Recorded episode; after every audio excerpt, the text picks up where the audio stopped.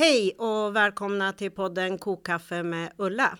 I den här podden brukar jag ta upp ämnen och teman som jag tycker är intressanta eller som jag har hållit på med i politiken. Och dagens tema kom faktiskt till mig när jag satt och tittade på, på Facebook och jag såg faktiskt att det blev fler och fler arbetarförfattare som var ute. Och eftersom jag tycker att klass diskuteras alldeles för lite i dagens samhälle och jag är lite orolig för vad som ska hända eh, med kulturen när fascismen breder ut sig allt mer. Så tänkte jag att jag ska bjuda in en arbetarförfattare för jag tycker att vi behöver fler arbetarförfattare och att arbetare behöver ta större plats i den politiska debatten. Så idag har jag faktiskt en, en gäst som är en av orsakerna, eller kan man säga att du är lite skyldig Bernt-Olov till att det blir fler och fler arbetarförfattare. För dagens gäst är Bernt-Olov Andersson. Välkommen! Tack så mycket! Och dessutom är han bra på att dricka kaffe. Han har redan klarat av tre muggar idag och vi har druckit lite kokkaffe här också, en hel mugg var. Så ja, en bra kaffedrickare är ju alltid ett plus. Men jag tänkte jag skulle presentera dig lite och sen ska du få fylla på själv tänkte jag. Men, men du är ju författare, du är dramatiker och musiker. Eh, du skriver kulturjournalistik, kröniker. Du verkar ha hållit på med det mesta och dina böcker har varit radioföljetonger. Här är P4 Gävleborg, men Syrenernas tid var det väl ja. eh, också. Och, eh, och, nu håller du på att spela in din, din senaste ljudbok, Framtid ska min dotter heta. Syrenernas tid tror jag nog annars kanske är det mest kända du har gjort. Det tror jag. Det, det väckte mycket uppmärksamhet när mm. den gick på radio. Berätta lite, vem är du? Jag är en arbetargrabb från Sandviken. Eller jag är född egentligen i Hälsingland, i Kilafors i Hälsingland. Ja, du ser, jag är ju Bollnäs.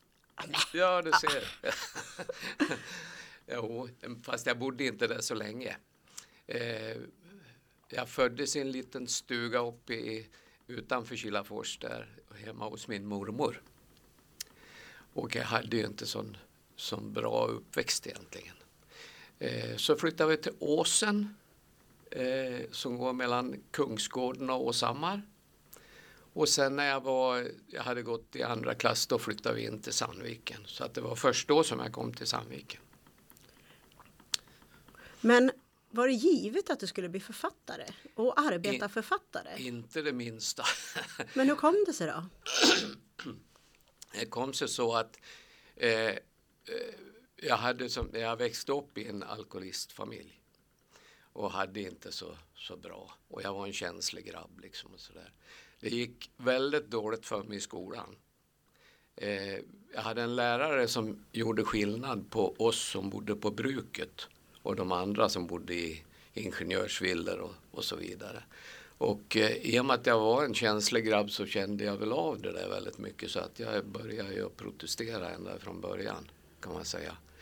Så jag hade B i svenska och jag hade BC i läsning apropå det här med följetongerna på, mm. på radio. Eh, så att det var ingen bra start men jag fick en, en bättre start. Jag blev intresserad av musik den tidens rock och popmusik och sådär. Jag brukar säga att den engelska som jag inte lärde mig i skolan, den lärde jag mig genom att läsa engelska, amerikanska pop och rocktidskrifter. Och det, det fanns en skola i, i Sandviken som det var järnverkets industriskola. Dit gick jag. Det det var, det var bra på det sättet att man gick till Valhalla en dag vårat tempel där. Och så gjorde man prover under ett, en, ett dygn, eller ett, en dag var det väl. Och sen kom man in där och man var duktig. Okay. ja, och det var så jag kom in på industriskolan. Och det var tre år och det var en jättebra skola. För att den varvar teori och praktik. Så att vi var ute på praktik ute i järnverket eh, i 14 dagar och så satt vi på skolbänken i 14 dagar. Och vi hade till och med betalt när vi satt på skolbänken. Vi hade två kronor i timmen. Så det var ju liksom stort. Va? Ja. Och sen fick, jag, fick man alltid ett fast jobb efter. Och jag fick ett fast jobb på kanthyvlingen på bandavdelningen. Och där var jag i eh, sex års tid. Och det var ett jävla skitjobb. Så att egentligen skrivandet det kom genom mitt musikintresse, genom att Cornelis Vreeswijk kom med sin första LP. Och jag började där nere i järnverket och skriva. Jag skrev, jag skrev, eh, jag skrev låtar helt enkelt ifrån början och skrev på baksidan på några viktlappar som vi hade. Vi skrev upp hur många ton vi hade kört per dag. Ja, ja, liksom. ja. Så, så det var där som, så jag har faktiskt någon sån där lapp kvar. Jag började skriva på, på baksidan på dem där. Så det var så jag kom in i, i litteraturen så att Ja. säga. Men vad var det du ville ge uttryck för? Vad var, liksom, vad, vad var det du ville säga? Var det skitjobbet eller var det någon protest? Eller vad var det som gjorde liksom att, Det var att rädda min hjärna. att rädda hjärnan? Ja, för att eh, jag vantrivdes så in i helsike på det där arbetet som jag hade så att jag skrev av mig helt enkelt och det, det är ofta så som det brukar börja och särskilt kanske för, för eh, oss som är arbetar så det känner jag igen ifrån väldigt många. Så du menar att många arbetarförfattare har haft det jävligt på arbetsmarknaden och därför tar man sig uttrycket Ja, att börja Jag skriva? tror det. Eller också har man inte fått något jobb. Nej. Så, så var det ju för 30-talisterna. Som, eh, som har liksom, det är ju det är ju väldigt många fina författare som kommer då som har varit väldigt betydelsefulla för dagens arbetarförfattare också som Ivar Lo och alla möjliga som var där. Eh, många av dem var ju arbetslösa. Då fick de ju tid att skriva. Ja. De fick stå med mössan i hand. Ja, Mm. Och du har ju faktiskt vunnit Ivar Lo-priset. ja, det är väldigt fint. Och du har Ja. vunnit massa priser. ja. Men så egentligen är, det- kan man ju säga att, att andra arbetarförfattare har inspirerat dig, andra låtskrivare och ditt, din vantrivsel på jobbet. Ja, det var en kombination där som råkade vara lyckosam. Det kunde ha gått åt helsike också. Men, men du sa att du hade svårt för att läsa och du hade svårt för att skriva. Mm. Men hur, hur utvecklade du det då? För det var ju tydligen inte skolan som... Nej, det Gav var det inte. den? Och, och jag läste ju ingenting under hela min ungdom. Eh, det står i mitt folkskolebetyg som min lärare, som jag inte tyckte om då, där han skrev Ops, Bernt-Olof ska läsa många bra böcker. Vilket innebar att jag inte läste en enda jäkla bok under hela min uppväxt. Men jag hade tur att när, när jag, jag började skriva li, lite där, jag hade en svärfar som var en intellektuell arbetare som sysslade mycket med konst och sådär och trätäljning och, och allt möjligt. Eh, han uppmuntrade mig och han sammanförde mig med poeten Stig Sjödin. I, i, det var när Stig Sjödin kom ut med sin eh, diktsamling Klarspråk. Som han var då på gamla biblioteket i Sandviken och pratade. Och då hade jag skrivit några sådana här som var för att då hade ju svärfar sagt fan, han såg mina papper som jag hade skrivit. Det var inte meningen att han skulle se det men han såg i alla fall. Och då sa jag, ja för fan du är ju poet sa han. Och det var den vägen som vi kom till Stig Sjödin då. Stig Sjödin, han kände säkert igen sig i mig. Därför att han hade ju stått i, i sex år nere i järnverket. mm, Då på sin tid. mm. Ja, så att eh, ja, han tog mina dikter med sig till, eh, till Stockholm. För han var på SIA då, på Skogsindustriarbetaren. Okej. Ja, han var redaktör där. Och han skickade brev tillbaka till mig, uppmuntrande brev och skrev att du ska, han skrev så här att du ska skicka dina dikter till eh, fackförbundspressen. Och du kommer att få tillbaka dem, tillbaka dem gång efter gång. Men du ska inte ge upp för förr eller senare bryter du hårt på motståndet. Och jag skickade till kommunalarbetaren, byggnadsarbetaren och metallarbetaren. Och alla tre köpte dikter. Men det var bara det att de köpte samma dikt allihop. Så jag fick ringa runt till de här kulturredaktörerna som, som de hade då och förklara hur det låg till.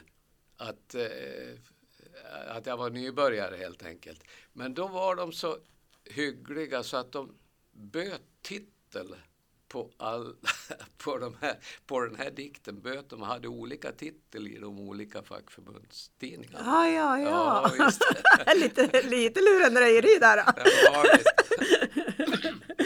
och jag fick väl 75 kronor för en eller någonting sådär. Men eh, då på den tiden då fanns det alltså kulturredaktörer på fackförbundstidningarna. Mm. Som var intellektuella arbetare helt enkelt.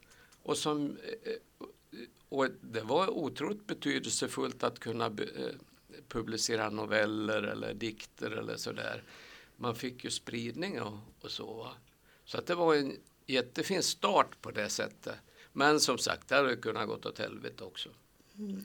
Men, men idag så jobbar du med att vi ska få fler och fler arbetarförfattare. Berätta lite om det. Hur, hur går jobbet och, och varför gör du det? Liksom? Ja, det var, det var ju så, så att eh, jag fick ju jag, jag, gav ju ut en diktsamling 1978. Jag debuterade med en diktsamling då som fick Eh, då, då hade, ju, hade man ju kulturrelationer på varenda liten lokaltidning. Mm. Så jag fick ju jättemycket recensioner och fick jättebra recensioner. Och jag kommer aldrig att glömma den första jag fick. Det var Gävle Dagblad. Då, på, på hela första sidan stod det en, med en stor bild på mig då. Det stod det att eh, Bernt-Olof, du är en sensation. Oj, och det var en borgerlig tidning. Ja, ja, det var en borgerlig tidning. Men det betydde också, att, tror jag, att jag tystnade i tio år. Ja, det var lite pres, liksom, ja, prestations... Visst. Och jag tror det var lite, vi pratade förut om Molly Jonsson här. Jag tror att det var precis på samma sätt för henne. Men i alla fall så förstod jag ju vad litteraturen, för att jag fick ju en eh, konstig eh, ingång i litteraturen i och med att jag hade inte, inte hade läst någonting. Va? Jag började ju att läsa eh, avancerad litteratur på en gång, poesi naturligtvis. Men en av de första som jag läste det var Bellmans ordens kapitel i fem band. För att vi råkade ha det hemma. Va? Det var något arvegods ifrån något ställe. Så jag var ju helt upptagen utav de där böckerna. Alltså, gick jag omkring och sa Gutor i minst ett halvår efter det. Och sen läste jag naturligtvis arbetarförfattarna. Men jag, i och med att jag hade så dålig kunskap så började jag också jag, jag började att läsa litteraturhistoria från start. Alltså jag började med Gilgamesh-eposet, det allra mm. äldsta, och gick fram över Bibeln och Odysseen och hela vägen ända fram till ryssarna. Liksom och sådär. Så att eh, det var det, min ingång i litteraturen, om man säger mm. så. Ja. ja. Jo, och sen så eh, blev, i och med att då, då började jag alltså med kulturarbete som det heter, vilket är, ja, men ändå, jag började med kulturarbete. Jag, blev, jag var med och startade en förening här som heter Gävleborgs litteraturförening som levde en kort mm. och intensiv period. Men sen blev jag ordförande i Norrländska författarsällskapet och Författarcentrum Norr. Och det märkte jag när vi hade våra kurser där uppe i Medlefors folkhögskola uppe i Skellefteå och så där. Jag märkte att vi som hade arbetarbakgrund vi hamnade alltid i något hörn för oss själva där och hade mycket att prata om allting sådär. Så då startade jag föreningen Arbetarskrivare och det var i mitten på 80-talet det här. Eh, och vi var ett gäng och det var mest ett gäng grabbar. För att det var ju mycket utgick ju från mm. industriarbetare då. Det var ju bara grabbar som jobbade inom industrin i, i allmänhet. Men nu är det ju helt annorlunda. Ja. Eh, så att vi var ett gäng där och vi började med att ge ut, vi tillsammans skrev en antologi som heter Lort-Sverige idag heter den. För att eh, det var ju så många år efter att Lubbe Nordström ja. hade skrivit sin mm. Lort-Sverige. Och sen hade vi också kurser och då var det ju LO-skolor över hela landet. Va? Och eh, de hjälpte oss hela tiden liksom, så att vi fick vara där och ha våra kurser och så där. Och sen har det utvecklats så ända fram till idag då så, så, så eh, idag är ju föreningen arbetarskrivare större än någonsin. Vi började som fem, sex personer. Och hur många liksom. är det idag? Ja, jag tror det, det är mellan 200 och 300 tror jag. Oj. Ja, och så har vi ju en egen eh, tidskrift som heter Klass. Och den har ju gjort väldigt mycket för, för medlemskapet och sådär. Och så det som är bra också med, med föreningen Arbetarskrivare att det är en blandning mellan, mellan eh, ja, proffs och amatörer helt Mm. enkelt. Ja, så att vi stöttar varann hela tiden. Mm. Och vi har ett pris också som vi delar ut som heter Fem unga priset. Ja.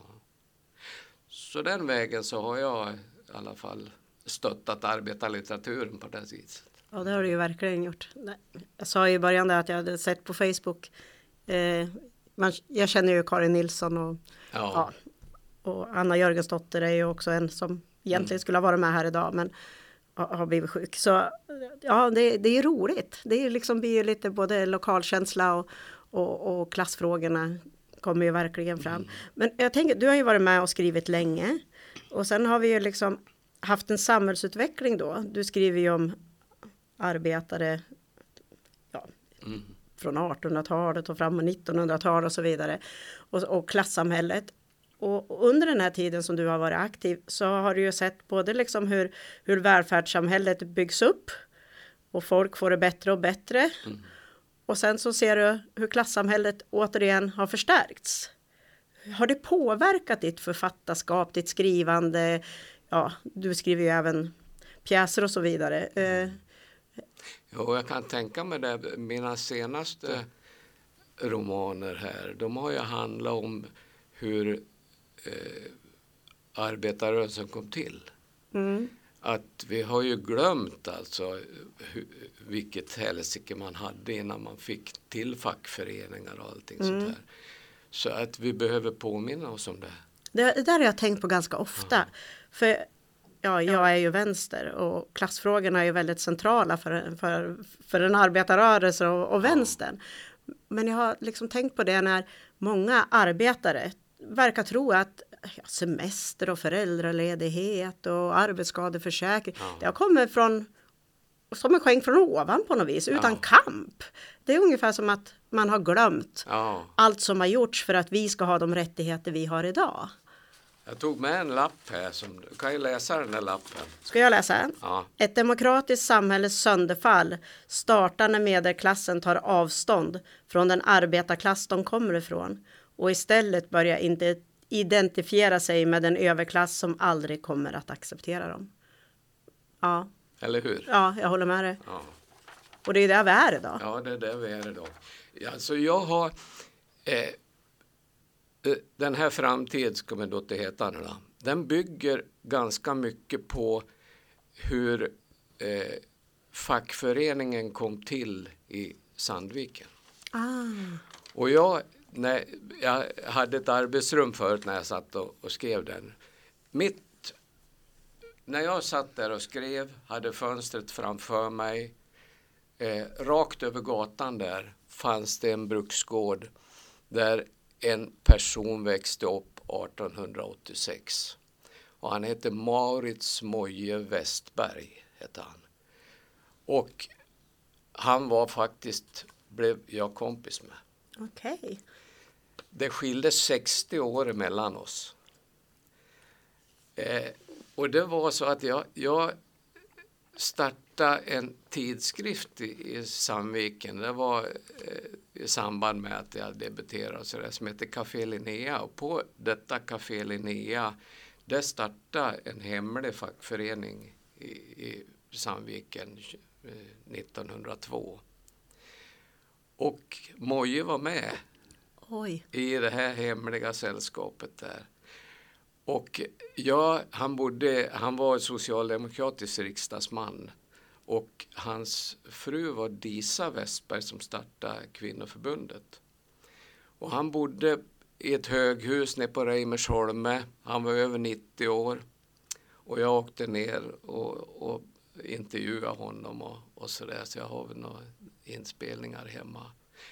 Och han var alltså med då och, och startade fackföreningen och var sekreterare och fick naturligtvis sparken då. Mm. Så att jag har fått en helt annan historia än den historia som har skri skrivits av Göranssons sönerna i, i Sandviken.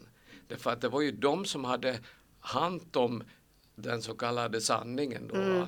Men jag vet att det gick till på ett helt annat sätt. Och det är det jag har använt mig av i den här boken.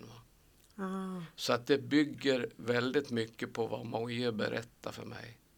Han fick alltså sparken eh, för att han sagt, satt sekreterare när de gick ut med det Mm. att de hade bildat en fackförening. Då. Han blev förbjuden att besöka sina föräldrar som bodde på bruket. Därför att Göransson ägde ju, Bruket. ägde ju hela bruket. Va? Han ägde ju människorna egentligen. Ja. Som det var i brukssamhällen. ja, visst. Bruksorter. Så att, eh, men eh, då var det så att Fabian Månsson eh, som jobbar på Arbetarblad, Mm. han fick nys om att Moje var duktig att skriva för han var ju sekreterare. Ja. Så på det sättet då, då, då började Moje, eller då började Fabian jaga efter Moje Ja. och skulle ha tag i honom och fick in honom, på Arbetarblad här. Så att han började skriva för, för Arbetarbladet och sen blev han chefsredaktör för, för Nya Samhället i Sundsvall. Han jobbar på Socialdemokraten som eh, Mm. politisk redaktör och sådär. Så att han hade jättemycket att berätta.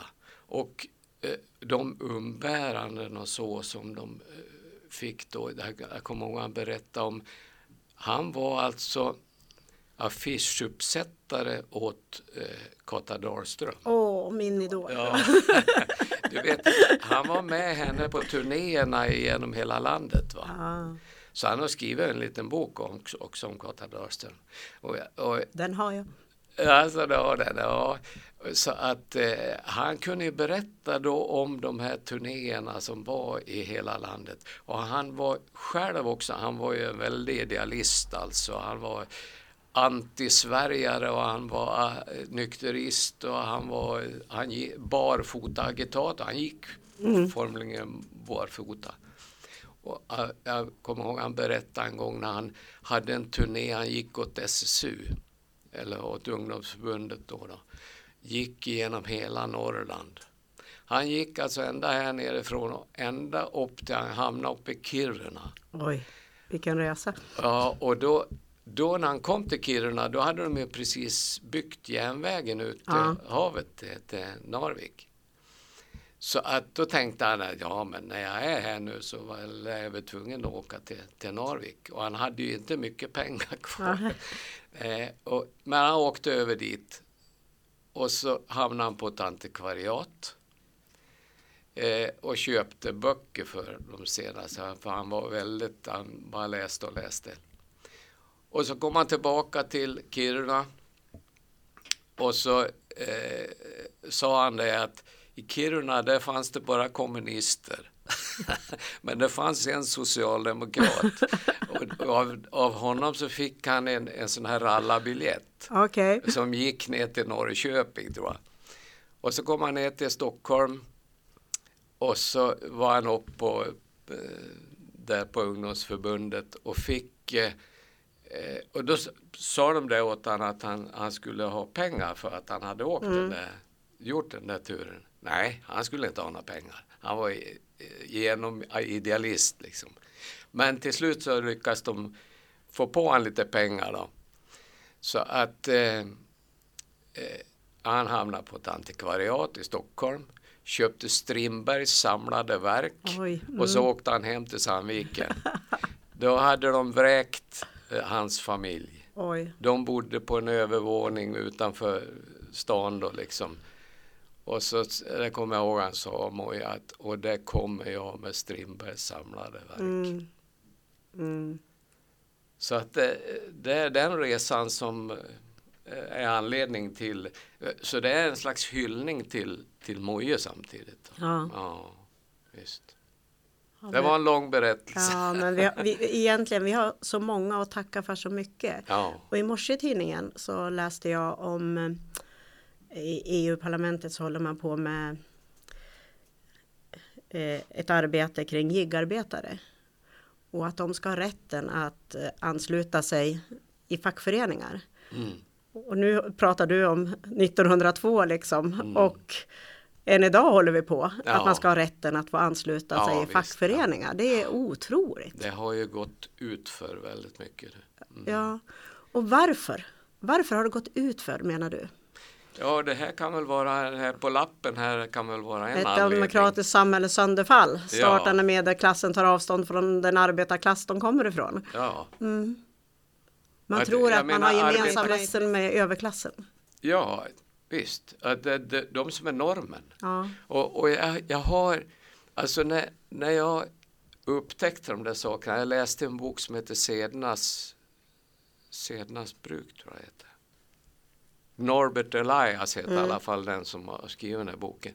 Han har gått igenom eh, såna här eh, eh, böcker som visar hur man ska sköta sig liksom. Och sådär. Ja, ja. Sådana, vad heter det för något? Det heter ja, bra fråga. Ja, Eh, ja. Vart tomt i huvudet just nu. Ja, det Ja. var tomt här också. Ja, ända tillbaka sådana, sådana hur man ska bete sig och så, det har funnits ända tillbaka till vikingatiden tror jag. Ah, Och han har gått igenom allihop de där.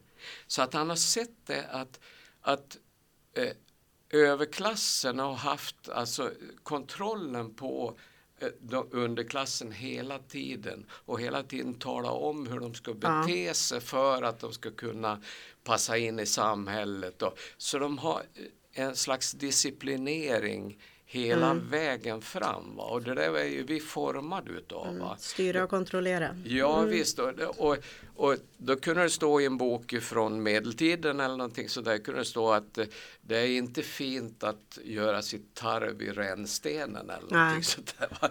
Vilket, ja, det visar ju sig att de gjorde det då på, Mm. på den tiden. Va? Och- sen hur man skulle äta och allting sånt där. Mm. Va? Eh, så att hela tiden så fick underklassen skämmas för sitt sätt att vara. Va? Mm. Jag, jag, sitter och tänker på när du berättar det här. eh, Jag brukar ju, jag är ganska mycket på sociala medier, på Twitter om inte annat. Och så tar jag ofta upp det här med hur klassklyftorna ökar, de ekonomiska skillnaderna ökar. Mm. Ja, till exempel då nu när de med 50 000 fick ju en skattesänkning med en tusenlapp. Ja, Samtidigt så kan vi läsa om barn som eh, går hungriga till skolan och, Ja. och skolköken får handla in mer och mer mat liksom. Mm. Och, och då brukar jag alltid få som kommentar från högern på sociala medier att jag är avundsjuk Ja. på de här som Ja, Det- och då, sett. ja, precis, och då tänkte jag på Strindberg, för han uttryckte ju något sånt här, avundsjuka är den benämning som överklassen har givit arbetarklassens krav på rättvisa, är det namn som Just överklassen det. har givit. Mm. Och, och det där är ju liksom lika aktuellt idag. Ja. Och tittar man på den ekonomiska politiken som jag har hållit på med så är det ju är det ju under de senaste decennierna så har man ju fått folk att tro att om vi göder överklassen, om vi göder de redan rika och låter dem få sko sig hur de vill, eh, så kommer ju smulorna då från överklassens smörgåsbord och ramla ner till arbetarna liksom.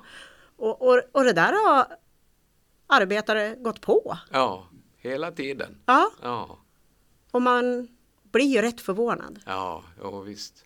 Vi har ju, arbetarrörelsen har ju på något vis förlorat en hel del, Ja, hel del där. Absolut. Ja. Jag, jag tror en sån där sak som jag har tänkt på, men som kanske inte stämmer. Du är mer ekonomisk. eh, men det här när man börjar att ge arbetarna eh, del i företagen, att man gav aktier och allting sådär. Att då, när man knöt upp arbetarna, att det inte blev en motsats till företaget utan att man blev ett med företaget. Att det var en sån där farlig grej tror jag som, som, eh, som, har, om, som har gjort det här. Jo, man blev lojal med ägarna Ja, ja visst. på, på, På ett annat sätt. Ja, på ett annat Mm. sätt. Ja. Man är ingen, eh, fackföreningen är inte på samma sätt en motvikt till företagarna som det var i början på förra seklet. Nej. Nej. Jag, vi, vi pratade lite om det i morse, min man och jag. Mm. Det här med Frankrike och alla protester kring att man ska höja pensionsåldern. Mm. Och det har vi ju gjort i Sverige också. Och där blev det ungefär, jaha, måste vi göra det? I Frankrike så har man gått ut på gatorna i många dagar nu och det blir fler och fler. Man Mm. Ja. är riktigt jävla förbannad om ni ursäktar visst, uttrycket. Ja, ja. För man är utsliten Ja. och man känner att det finns annat i livet än att, att bli utsliten för att jag ska tjäna ihop mitt levebröd och så ser man hur andra då har hur mycket överflöd och pengar som helst. Men det är alltid liksom arbetarklassen som ska avstå. ja, visst, det är så. Men här vart det bara, jaha, ska vi jobba några år till nu? Ja. Och hur många i arbetarklassen kan inte jobba? Nej, nej, visst. Undersköterskor, byggnadsarbetare, alltså utslitna vid 60 års ålder. Ja. Det är ungefär som att de inte finns. Nej. Och sen röstar de på Sverigedemokraterna. Ja, vilket misslyckande. Vilket jävla misslyckande. Ja. Och apropå Sverigedemokraterna. Eh, jag är ju aktiv i regionpolitiken nu Mm. och, och vi har ju varit väldigt mycket i, i medier härifrån Gävleborg Verkligen. med inställda Lucia-tåg och, och vi har ju sett också hur böcker försvinner ur bibliotek för att Sverigedemokraterna tycker att de inte är passande. Eh, sagostunder med dragqueens blir inställda för att Sverigedemokraterna tycker att det är omoraliskt förfall. Tror du att det här är början på något eller kommer det inte bli något mer nu? och, och det är början på något. Vi ser viljeinriktningen i alla fall ifrån Sverigedemokraterna, ifrån de krafterna. Eh, och det har förändrats jättemycket, det har det gjort. Och jag såg redan då på 80-talet att eh, redan då börja liksom att, förändra sig eh, i samhället. Jag kommer ihåg att jag var på en turné uppe i, i Norrland. Och så, det var faktiskt på ett ABF. Jag var inne på ett ABF-hus. Jag skulle ha något eh, föredrag i någon skolsal där. Fast vi var där lite tidigare. Så han höll en liten lektion för mig. Då gick jag fram till svarta tavlan som det heter. Gick han, och så ritade han upp något slags schema och så visade han om, om ja, att arbetarrörelsen redan då hade börjat och, och, och förändras. Och, om man hela tiden sparkar åt vänster och anpassar sig åt höger så blir man förr eller senare ett högerparti. Mm. Och det där har jag burit med mig ända från mitten på 80-talet. Som han, jag tyckte det blev så otroligt tydligt. Va? Mm. Och det är väl det vi ser nu. Ja, tyvärr. Ja, Tyvärr ser vi konsekvenserna av det. ja. Och, och eh, jag menar, det fanns ju även när jag, jag var ju bygg... Jag, det var ju så att jag jobbade i järnverket då. Och då på den tiden så fick man här arbetslivspoäng för hur lång tid man hade jobbat på ett ställe. Mm. Så man kunde söka in till skolor och sådär. Eh, Så att jag tog mig bort ifrån järnverket och det där skitjobbet som jag hade då och utbildade mig till byggnadssnickare. Så, så jag har ju alltså, jag har ju 16 år i, i tung industri bakom mig. Mm. Och eh, jag vet ju hur det lät i labberna då. Alltså, då på den tiden, då var det inte invandrare man, man eh, klagade över utan då var det finnjävlar och det var, då, ungdomar var ju då man, ja. Eh, så, så att det där missnöjet så där va, som finns, som egentligen är någon slags rädsla för, för någonting. Det fanns ju även då inom arbetarklassen. Va? Fast nu är det ju tydligt att jag har ju, har ju pratat med människor som säger det att det är ett jäkla diskuterande på, på arbetsplatserna att, att SD har alltså en de- är starka alltså Mm. i arbetarklassen. Är det. Vilket är ju fullkomligt ologiskt. Mm. Där är det. Ja. Verkligen. Ja. Det, det, enda, det enda man kan egentligen vara säker på gällande SD det är att de är rasister och att det allt det därifrån deras politik utgår. Ja, visst. Eh, Så, är det ju. Mm. Jag tänker också att, att hela det som sker nu och att vi hela tiden slår neråt. För det är det rasister egentligen gör. Ja. Och ja, det är liksom, jag vet inte hur jag ska uttrycka det. Jag, jag blir både förbannad, ledsen, för egentligen motarbetar vi oss själva. För vi människor, och allra helst då vi människor som är en del av arbetarklassen, vilket de allra flesta invandrare är, ja, visst. eh, att vi ska motarbeta varandra istället för de som sitter där uppe. Mm. Det där är Ja, visst. Det är ett så fatalt misstag så det, Ja. men det är ungefär som att ja, vi blir lite bättre själva då om vi kan slå neråt. Visst, det är så. Och då kan ju invandrarna kan ju ge oss så otroligt mycket. Vi, vi har ju varit, i våran familj har ju vi hjälpt invandrare och sådär. Och vi har ju fortfarande vänner, alltså vi, på 80-talet hjälpte vi eh, jag kan ge ett exempel på, på det. Vi bodde i Söderfors då, i, i Norduppland. Vi flyttade från Sandviken. Vi, vi var borta från Sandviken i 18 år faktiskt, även om inte Sandvikarna tror det. eh, men vi flyttade till Söderfors och där fanns det en, en eh, ja, att det kom invandrare dit till, till eh, Söderfors. Och det var ganska många, de kom från Chile. Mm. Många, vi, vi hade en, var fadderfamilj till en, en familj, ung familj från Chile. De var bara ungdomar då. Vi var alldeles nyligen på eh, Elenas 60-årskalas. Så att det har gått Ja. några år sedan dess. Men en dag så eh, min fru hon jobbar på banken, en liten bank där i, i, i Söderfors. Så var hon och åt på ett ställe och så var det dåligt med platser så att hon hamnade bredvid en som jobbade på det här stället där de tog emot invandrare. Som, han jobbade som tolk. Och så tyckte hon han verkade så intressant så hon bjöd hem han. Eh, så han kom hem på kvällen och, och satt där hemma i soffan hos oss och berättade om sitt liv. Och då visade sig det att han var en utav de sju i Topamaros i Argentina. Så han hade hamnat i Söderfors och han berättade om hur det var att sitta i var det sju års tid i ett tortyrläger i Argentina. Han kunde berätta om det. Mm. Om hur, till exempel, som ett exempel då, varje dag så skulle alla fångar ställa sig upp utanför sin dörr.